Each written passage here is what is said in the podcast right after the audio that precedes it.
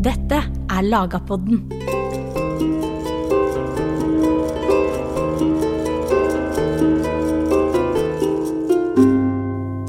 I landslova er tosverdslæra til Augustin presentert som ei form for statsrettslig grunnlag.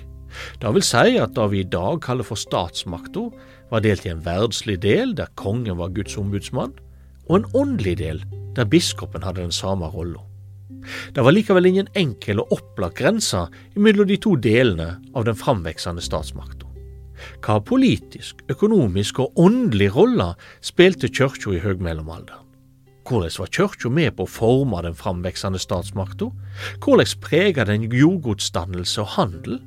Og hvordan prega kirka, som var til stades overalt gjennom lokalkirkene, folk sin hverdag? Med oss for å svare på disse spørsmålene har vi Sigrun Høgetveit Berg, førsteamanuensis ved Universitetet i Tromsø. Du lytter til Lagerpodden, en podkast av Nasjonalbiblioteket. Mitt navn er Jørn Øyrehagen Sunde.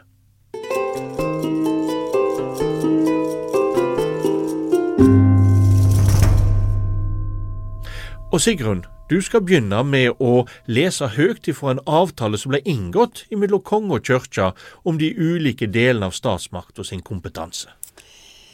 1. Erkebiskopen gir avkall på valgrett og overhøyhet og på kravet om ofring av krona. 2. Kongen gir avkall på all jurisdiksjon i saker som tilhører kyrkja.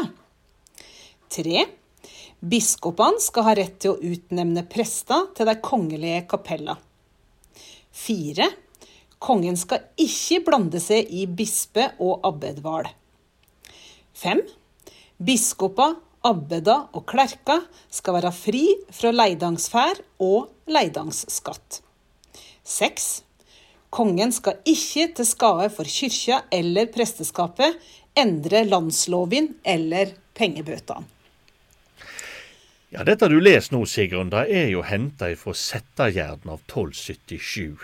Fordi dette skiljet mellom det åndelige og verdslige, det var jo et vanskelig skilje. og i denne avtalen så på mange måter går en jo opp grensa. Kan du fortelle litt om Settergjerden av 1277?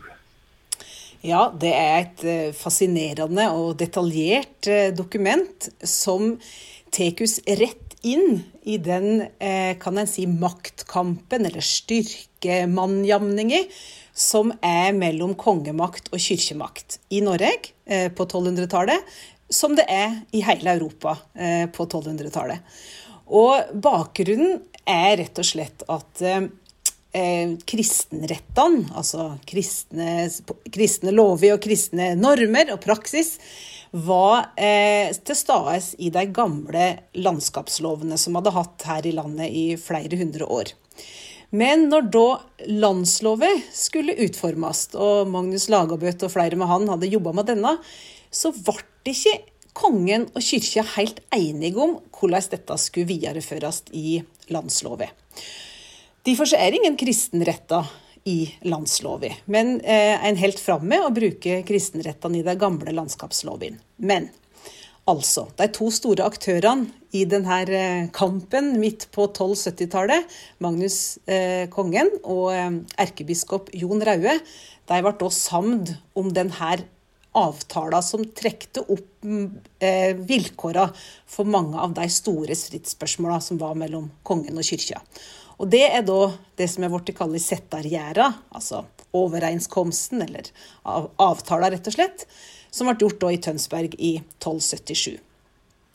Og det jeg las, var de seks første eh, paragrafene der, og det er jo til sammen 19 Eh, som, som, på ulike måter regulerer stort og smått i forholdet mellom kongemakt og kirkemakt. Ja, for her deler de jo på sett og vis statsmakt imellom seg. Nå er det litt anakronistisk kanskje å snakke om ei statsmakt i, i mellomalder, men vi gjør det nå for enkelhets skyld. Men, men, på mange måter så deler en jo den i, imellom seg. Og Kan du si litt om, om kirka og dens funksjon som ei form for mellomaldersk statsmakt? Ja, kyrkja var jo, eh, når man kom hit ut på 1200-tallet, så var jo kyrkja blitt en stor, eh, mektig og ikke minst internasjonal organisasjon. Som har da et eh, lovverk, kanonisk rett, og som har en tradisjon, og som har, som har praksiser og dogmer som de har utvikla gjennom mange hundre år som er gjeldende for hele eh, kirkeorganisasjonen på tvers av eh, de tidlige statsmaktene, eller kongerika, i Europa. Så eh, det er jo ei utvikling som har tatt som mange hundre år. Og i Norge så har vi jo da de første Kirken og den første delen av kirkeorganisasjonen blir etablert på 1000-tallet. Vi får ei voldsom utbygging av kirka på 1000- og særlig 1100-tallet. Før i det så hadde Den norske kyrkja vært underlagt eh, Lund, og før i det Hamburg-Bremen.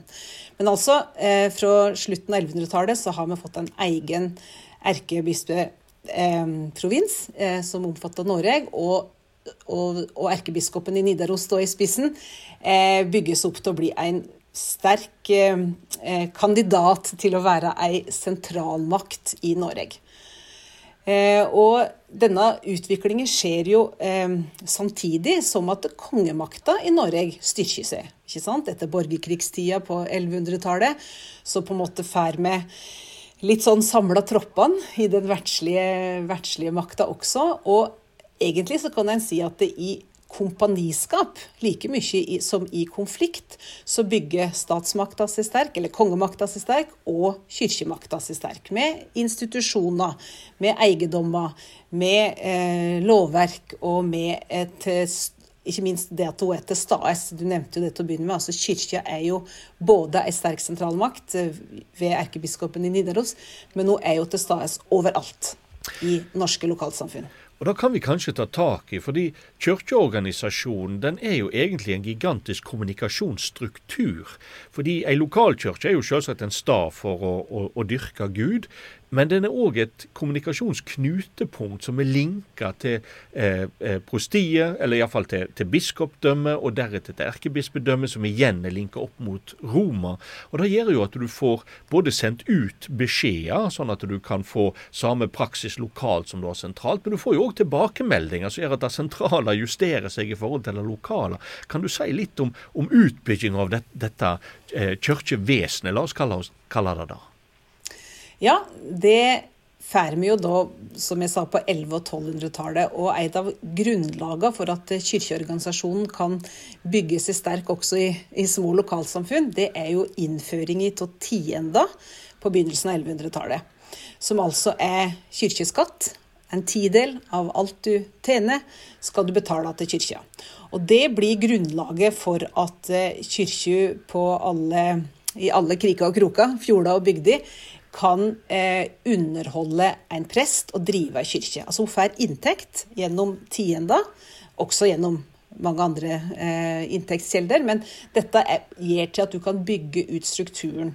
Eh, sånn, og vi er da til å lage sokken og prestegjeld eh, organisere det i sokken og prestegjeld, som alle da hører til et bispedømme, og som alle da er underlagt eh, erkebispedømme. Og den soknestrukturen som blir utbygd i Norge på 1100- og begynnelsen av 1200-tallet, det er egentlig veldig attfinnende den dag i dag. Altså det, det, de, de, de, administrative, kirkeadministrative einingene de, de, ser vi den dag i dag, og, og kyrkja som vi kjenner i dag, er bygd opp mye godt på, på samme måten. Mm. Og på, på, sett og vis så får jeg en følelse av at kirka sin administrasjon danner egentlig et forbilde òg når kongen bygger opp sin administrasjon. For kirka finner jo ikke opp dette sjøl, den drar jo veksler på den allmenne kirka, den katolske kirka sin, sin, store organisasjon og all den organisasjonserfaring som finnes der. Men når lokale konger, sånn som den norske, skal bygge opp sin, så er jo nettopp den erfaringen kirka har gjort seg en aldeles utmerka kjelde å dra veksler på. Stemmer ikke det, eller hva tenker du? Jo, det stemmer. Og det er helt klart eh, at eh, som jeg sa, framvoksteren framvoksten av den utbygde kirkeorganisasjonen og den sterkere sentralmakta, altså kongemakta, dette går hand i hand eh, på 1100- og 1200-tallet. Vi kan veldig ofte fokusere mye på at det er maktkamp og strid, og de er uenige om hvem som skal f.eks. utnevne biskoper, hvem som skal velge til nye ombud, hvem som skal få lov til å ha inntektsbringende kall. Og det er det. Det er stor strid der verdslig og kirkelig makt legger seg opp i Korares bed. Men eh, grunnleggende så er det et et samarbeidsprosjekt, kan jeg si. Et riksdanningssamarbeidsprosjekt på, på 1100- og 1200-tallet, der kyrkja og kongen går hand i hand, og de, de lærer av hverandre, og ikke minst får altså den spirende norske kongemakta lære mye av kirkeorganisasjonen. Og det er ikke bare god organisering som gjør Kirka i stand til å være en del av den norske statsmakta, men òg da at den har et solid økonomisk fundament. Og det skal vi få høre mer om om ei lita stund.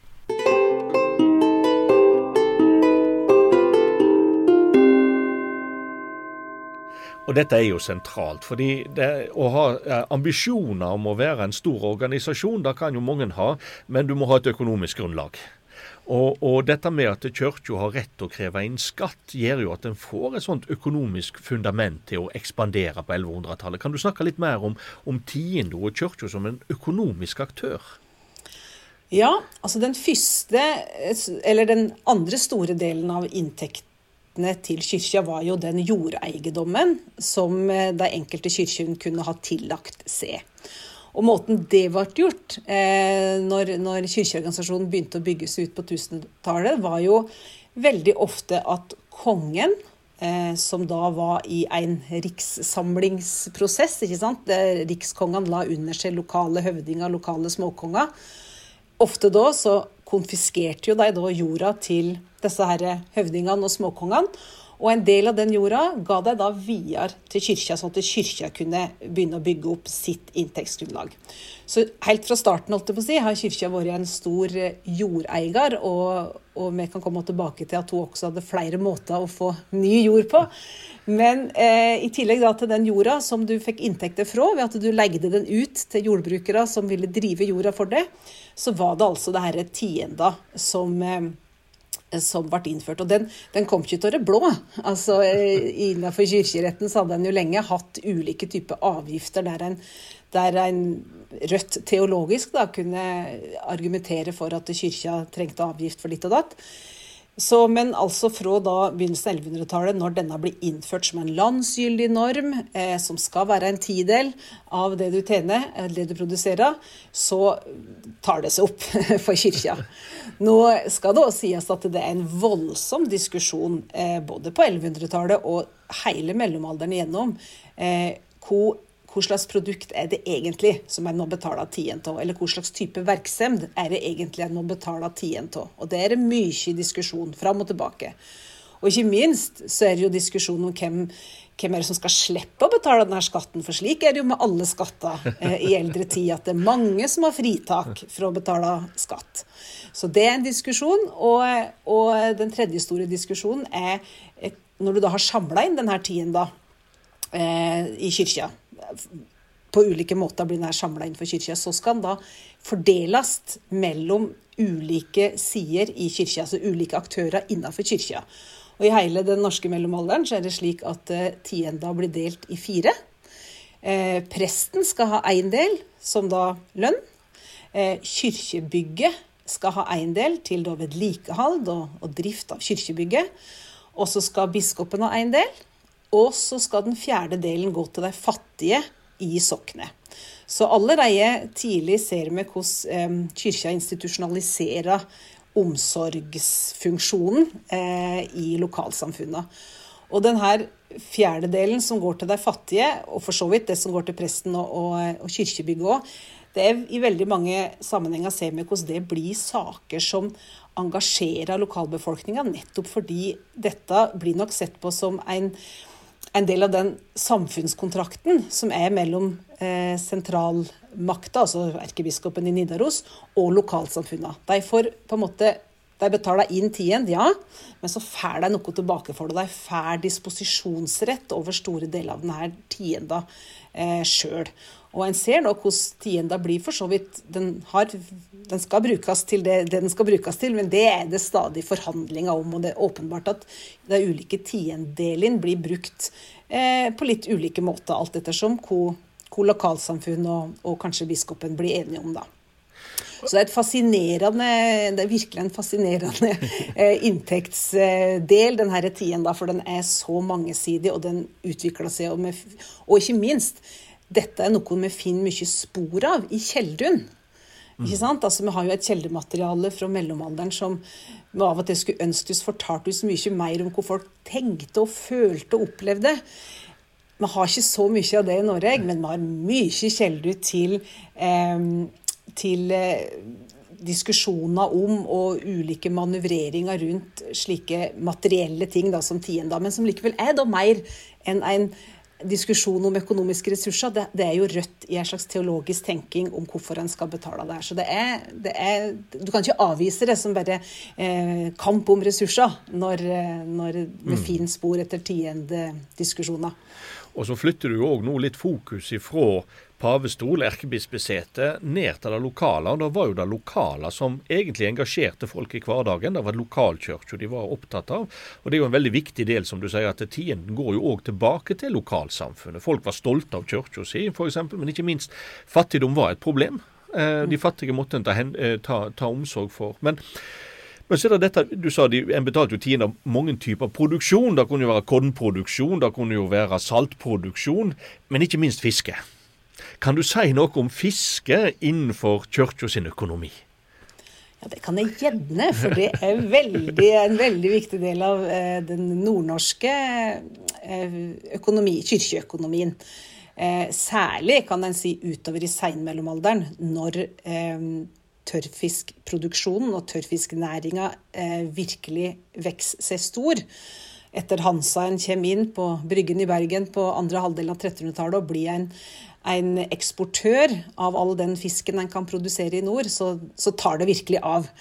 Eh, og da ser vi hvordan eh, kyrkja også, eh, med erkebiskopen i spissen, engasjerer seg både i produksjon av fisk, i distribusjon av fisk og ikke minst handel med fisk. Eh, så det blir en viktig inntektskilde for, for kirkene i nord. Og sjølsagt også, her er det Jeg sitter i Tromsø. Her er det mye eh, mindre dyrkbar jord som man kan tjene, tjene inntekter fra. Men fiske blir en veldig viktig del av eh, inntektsgrunnlaget. Og nettopp fordi da du kan skattlegge den gjennom tienda, så, altså, så blir dette en veldig viktig del av økonomien i kyrkja. Og mange nordlendinger liker å si at uh, Nidarosdomen det er bygd opp av tørrfisk fra Nord-Norge. Og det er riktig, men det er ikke bare riktig. det var en god del jordbruksinntekter fra Trøndelag òg. Men det, jeg kan ikke, akkurat som en på, på tidligere mellomalderen, ikke kan undervurdere kontrollen med handelen eh, fra nordområdet. Altså den veldig lukrative handelen med pelsverk, med skinnvarer, for så vidt også med andre marine produkt. Utrolig viktig for etableringa av rikskongedømmet på 1100-tallet. Så kan en heller ikke, nesten ikke overvurdere betydninga av eh, tørrfisknæringa i seinmellomalderen. Og dette er da kyrkja sjølsagt djupt inni og henter seg inntekter fra, og er med å utvikle. Og, og, da må vi nesten òg snakke om hvordan disse inntektene blir investert i jordgods. Men eh, før vi gjør det, for da til med en gang du snakker om Nord-Norge og handelen som kirka var involvert i der, så må vi òg si noe om kirkas relasjon til den samiske befolkninga. Eh, hvordan var den på en måte in, eh, integrert i kirka sin administrasjon og kirka sitt virke, og i hva grad sto de utenfor? Dette vet vi veldig lite om. Mm. Eh, det er nok riktig å si at eh, den samiske befolkninga, eller de ulike samiske grupperingene, eh, som levde både i nord, men langs hele kjølen sørover til langt sør i Norge, på mange vis så sto de utom kirkeorganisasjonen. Ingen tvil om det. Eh, men det er veldig viktig å understreke også at den kontakten som de samiske grupperingene har hatt med kristendom eh, og kirkeinstitusjon, den, den, har vært der til også tidlig i mellomalderen, men, men, vi har så lite kjelder som sier noe om eh, hvordan de blir integrert, eller hvordan de samiske grupperinga blir integrert, at vi vet lite om det. Men mye tyder på at de ja, de kan ha vært i kontakt med kristendom, det var det åpenbart, for mange av de samiske gruppene levde jo tett sammen med de norrøne gruppene. Men vi ser ingen spor av korkje systematisk misjon eller eh, en slags systematisk forsøk på å legge disse samiske grupperingene under eller inn i kirkeorganisasjonen. Nå har vi jo, eh, I hele mellomalderen så har vi jo lite systematiske skattekjelder, f.eks., der vi kan se hvem er det som betaler skatt. Hvem er det som betaler tiden? Vi har masse dømme på at tiden blir betalt, og diskusjoner rundt det, som jeg sa. Men vi har ingen systematiske lister som kan si noe om befolkninga i et gitt område. Derfor så vet vi altså heller ikke eh, så mye om eh, hvordan de samiske var integrert, men det begynner som, som andre nordmenn og svensker i Sverige, så begynner det å dukke opp i skattelistene på 1500-tallet. Og vi har, eh, ja, jeg vil si eh, på de 500 åra fra 1000 til 1500, så har vi kanskje ti eh, kjelder som forteller oss noe om at eh, en eller annen samisk person enten er blitt forsøkt misjonert overfor, eller blitt henta inn, eller, eller at det hele tatt blir reflektert i Kjelde at det fins ei samisk gruppering der. Så jeg tror vi godt kan si at de samene de er anerkjent som at det er folk som lever ved sida av den norrøne befolkninga, men de er i høgst ulik grad, og i, i, svært liten grad i det store bildet, integrert i kirkeorganisasjonen. Vi har en veldig artig Eh, vi har liksom to kanskje ytterpunkt. Ei, ei rettarbot fra 1313 som eh, Håkon 5., der eh, det står at det samer som eh, vil la seg kristne, skal få bøtefritak de neste 20 åra. De skal slippe å betale to tredjedeler av bøtene som de eventuelt skulle få i kristne rettssaker, hvis de lar seg kristne i 20 år. Og dette er fordi de er så fattige, står det. Men det er liksom ei sånn, et lite glimt av hvordan en ser at konge og kirkemakt forholdt seg til dem. Mara anerkjenner det helt på slutten av mellomalderen, i år 1500. Der er det dekanen, altså sjefen ved domkapitlet i Nidaros, som er i Roma. Og er og diskuterer med paven, for han er blitt fratatt kallet sitt, eh, inntekta si, i, i Nidaros. Eh, og da er han i Roma for å argumentere saka si for paven, og da sier han det at det er veldig viktig at jeg får tilbake det her kallet, som da var i kirke i Nord-Norge, fordi at der oppe er det så mye skismatiske russere og heidenske samer som en må forholde seg til, og da er det viktig at jeg, en skikkelig utdanna mann, har det kallet. Ja. Men sant, dette er altså det er helt uh, sporadiske mm. glimt, mm. så det er lite å bygge noen slags systematisk um, systematisk kunnskap på. Og, og når da på 1500-tallet det blir en, en, kamp om, eh, en kamp om å synliggjøre hvem samene hører til, mellom den dansk-norske og den svenske og for så vidt den russiske sentralmakta, så er det helt tydelig at det, først eh, er det viktig å bevise at de er våre skattesubjekt, altså at vi har skattlagt disse her gruppene. Så Eh, kommer kirka inn og skal misjonere. For en ordentlig systematisk misjon skjer ikke før på 1700-tallet mm. på norsk side. ja, det var et langt sveip. ja, og nå skal vi tilbake til kirka som jordeier. fordi Kirka er jo en stor jordeier, og delvis skal den være en aktør som, som investerer i jord. Men ikke minst, den får jo jord. Du må fortelle oss noe om sjelegave. Ja. Eh, hun får jord, eh, av ulike grunner, som jeg sa. Eh, hun ofte ble hun tillagt jord av kongen i den tidlige fasen, og hun får da tiendeinntekter. Og så har jo kyrkja etter hvert mange typer brotsverk som hun får dømme i, sant? som hun kan ta bøter av, og du må betale avgifter til kyrkja for ditt og datt. Men den store og spennende inntektskategorien utover i mellomalderen er jo ulike former for gaver, donasjoner, testament, der privatpersoner gir større og mindre eiendom til kyrkja, og ikke minst den her fascinerende institusjonen kan en si, som sjelegaver er. Og den, si, den enkle, men også ganske kompliserte tanken er det at eh, ved å gi ei gave til kyrkja, i form av da en del av en gard eller en jordeiendom eller en fiskeressurs, så gir du ei gave til kyrkja for enten din egen sjel, eller kanskje din avdøde far si sjel, eller ditt barn si sjel, eller noen andre du hadde omsut for. Du gir ei gave til kyrkja for at prestene i kyrkja skal lese messer og bønner for sjela til den du gir gåva for.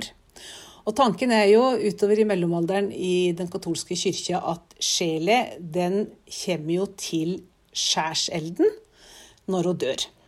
Og der kan hun være i kortere eller lengre tid, eh, til domens dag, når da Gud gir det endelige oppgjøret og dømmer du til enten helvete eller himmelen. Men denne tida i skjærselden, den vil jo da sjølsagt de fleste ha kortest mulig, og, og, ha best mulig. Så en måte da å påvirke eh, lagnaden til sjela er nettopp å få prester til å be for sjela di, eller mannen din si, eller sønnen din si, eller far din si.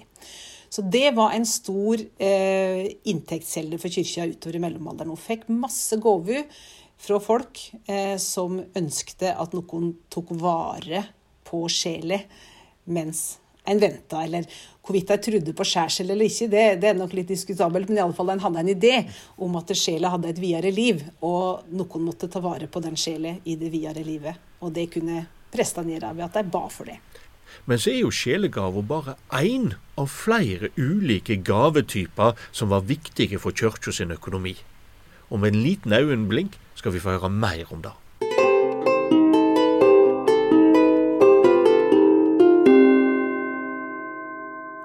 Ja, Dette blir jo en, en, viktig del av både lokalkirka, men kirka samla sett sitt, uh, sitt, inntektsgrunnlag.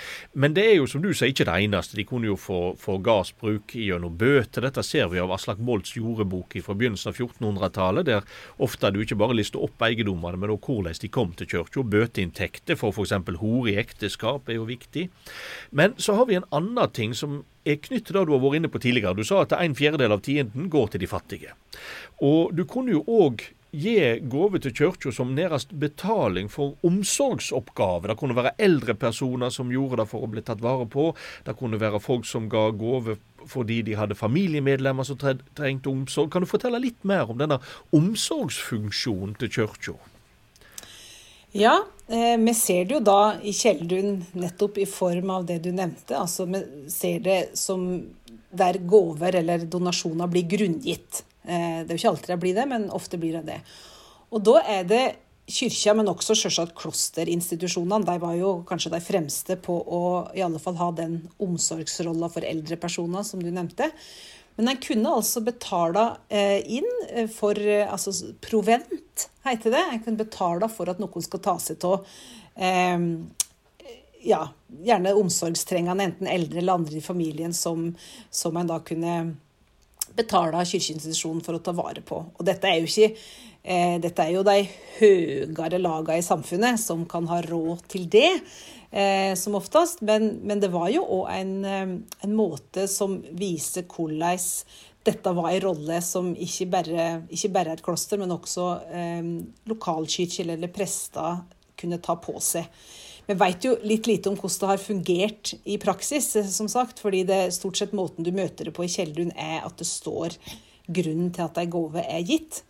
Men, eh, men det fins ulike dømmer på at en hadde en slags sånn Én eh, ting er omsorgsfunksjon, men, men det er også Jeg fant ei kjelde her noen år siden som eh, viste en dekan igjen, da, en leder i et domkapittel. Han hadde sittet som sjef da, i domkapittelet i Nidaros i 50 år fra 1430 til 1480. Og da valgte han å gå av med pensjon. Og da får han da i, i, i det et dokument at han får pensjon av eh, domkapitlet. De, de lova å, å, underholde han i de siste leveåra hans. Så det er en slags sånn retrettfunksjon. Og det er ikke så veldig ofte en møter det, og veldig ofte så satt nok eh, presteskapet i stillingene sine til de sin døyan dag. Ja. Men, eh, men, det hadde altså Det var reguleringa for hvordan du kunne trekke det tilbake ved alder eller pga. sykdom. Og Nå snakket du om provent, men hva med probende? Kan du forklare det? Prebende, ja. Prebende, det er også et, eh, et, eh, et, mye, et innholdsrikt omgrep fra, fra kirkeadministrasjonen i mellomalderen. Og prebende var altså et, et uttrykk for de eiendommene som kunne ligge, eller ressursene, eiendommene som kunne ligge til et alter. Altså jeg snakker om alterprebender. For f.eks. i større kirker, som domkirken, så var det jo mange alter. Det var et høyalter, men så var det mange alter i de ulike krikene og krokene til kyrkja. Og mange av disse sjelemessene som vi snakka om, de ble lesne ved spesifikke alter. Så hvis eh, Gro, ei rik enke, gav gave til kyrkja for mannen sin, så, kanskje, så kunne hun bestemme hvor denne, denne gava skulle, skulle gå hen. Og kanskje ville hun akkurat at de messene for han skulle leses ved det spesifikke halvårsalteret, kanskje, i den spesifikke kyrkja. Og da er det da det alteret, eh, holdt jeg på å si, ja, i fysisk forstand, men, men mer i, eh, i, en sånn økonomisk egningsforstand, som disponerer inntektene fra den jorda hun gir til det alteret.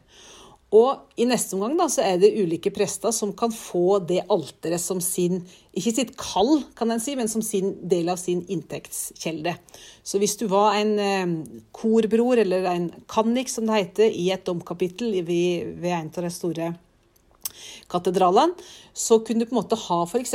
inntektene fra halvårsprebendet som en del av din eh, totale eh, inntekts... Eh, ja, portefølje, kan en si. Men da var altså den jorda knytt, og inntektene fra den jorda som hun Gro hadde gitt i sin tid, det var knytt til sjølve alteret. Så det var ikke for hvem som helst ellers av presteskapet i den kyrkja til til å legge seg borti. Så vi får jo et bilde av kirka som en organisasjon. Den er en økonomisk aktør. Eh, men den er jo òg en del av statsmakta. Vi har vært inne på dette med kanonisk rett og kristen rett f.eks., og domsretten kirka hadde. Men den gjør jo òg mer sånn prosaiske ting som å slå mynt, f.eks. Eh, og du har eh, militære styrker eller våpenstyrker. Kan du fortelle litt mer om, om denne mer sånn tydelige verdslige delen av kirka sin aktivitet? Ja, det er jo da særlig erkebiskopen vi kan knytte disse her vertslige verdslige mm, rollene og funksjonene til. Og den norske erkebiskopen han blir umåtelig eh, både rikt, kan jeg si, men umåt, får en umåtelig sterk stilling utover i seinmellomalderen. Eh, det har med mange ting å gjøre. Eh, ikke minst har det å gjøre med at den verdslige kongemakta utover i seinmellomalderen etter kort eh, kommer ut over landet. og Vi går inn i union, i Kalmarunionen, og vi går i union med danskekongen. Og etter kort så er det ikke så mye kongemakt igjen til stades i Norge, og da får og tek, altså både får og tek, erkebiskopen mange av de rollene som den verdslige statsmakta egentlig ellers har. Så, eh, og fordi erkebiskopen i Nidaros har så utrolig mye ressurser, både i form av jordeiendom og i form av eh, tiendeinntekter og handelsutbytte fra fisken i nord, så har han overskudd til å eh, få seg sin egen hær, slå mynt. Han slår til og med adelskap på et eller annet tidspunkt. Altså Han slår noen til, til ridder, det er litt eh, mystisk, men det, også den rolla har han fått. Og han er jo òg en verdslig lensherre til mange store områder på, på, ulike tidspunkt. Dette her er altså mot slutten av mellomalderen, men, men da er det helt åpenbart at eh, og jeg tror det er riktig å se det sånn at det er ikke bare noe ha erkebiskopen på en måte tar seg til rette fordi at kongemakta er mer og mindre litt fraværende i Norge på, på, slutten av mellomalderen. Det er også rett og slett at kongen kanskje har tenkt greit, der kan erkebiskopen styre på og ordne dette der oppe i, i, i Norge. Så han har, eh, men, men alt botner i at erkebiskopen har store økonomiske ressurser, sånn at han kan eh, bruke dem også på det her. Og det er jo erkebiskopen og kyrkja som blir på en måte den siste, de siste forkjemperne for eh, norsk nasjonal selvstendighet i tiåra fram mot eh, reformasjonen. Så det er liksom De fører den, eh, den, kampen så lenge de greier, til de ikke greier det lenger. Men, eh, men erkebiskopen fra ca. 1450 er, er sjefen i Norge. Og det er også fordi han helt formelt er sjefen i det norske riksrådet. Både Danmark og Norge hadde jo sine ulike riksråd, som, styrte, som var en slags regjering. Og i Norge så er det da sammensett av biskopene og de største lensherrene, og det er erkebiskopen som er sjefen, som er ordføreren. Ja, det var da et langt sveip, da, men altså han vi ser han ser erkebiskopen virkelig som en slags eh, fyrste mot slutten av, av seinmellomalderen. Med store verdslige både interesser og vilje til å bruke verdslig makt. Og da skal du ha tusen takk, Sigrun, for at du har gitt oss svar på så mange spørsmål, og som gjør at vi har et mye klarere bilde av kirka sin posisjon som en del av statsmakta i eh, mellomalderen. Og i neste episode av Lagerpodden så er det Kristin Aavitsland som skal komme til oss og snakke litt om St. Olavs lov og Olav den hellige, og all den uh, mytologiseringa rundt den helgenkongen, og hva det har å bety òg for etableringa av kirka som en fast institusjon og en statsmaktsinstitusjon i Norge. Men nå, Sigrun, tusen takk for at du ville være med oss i dag. Takk for det.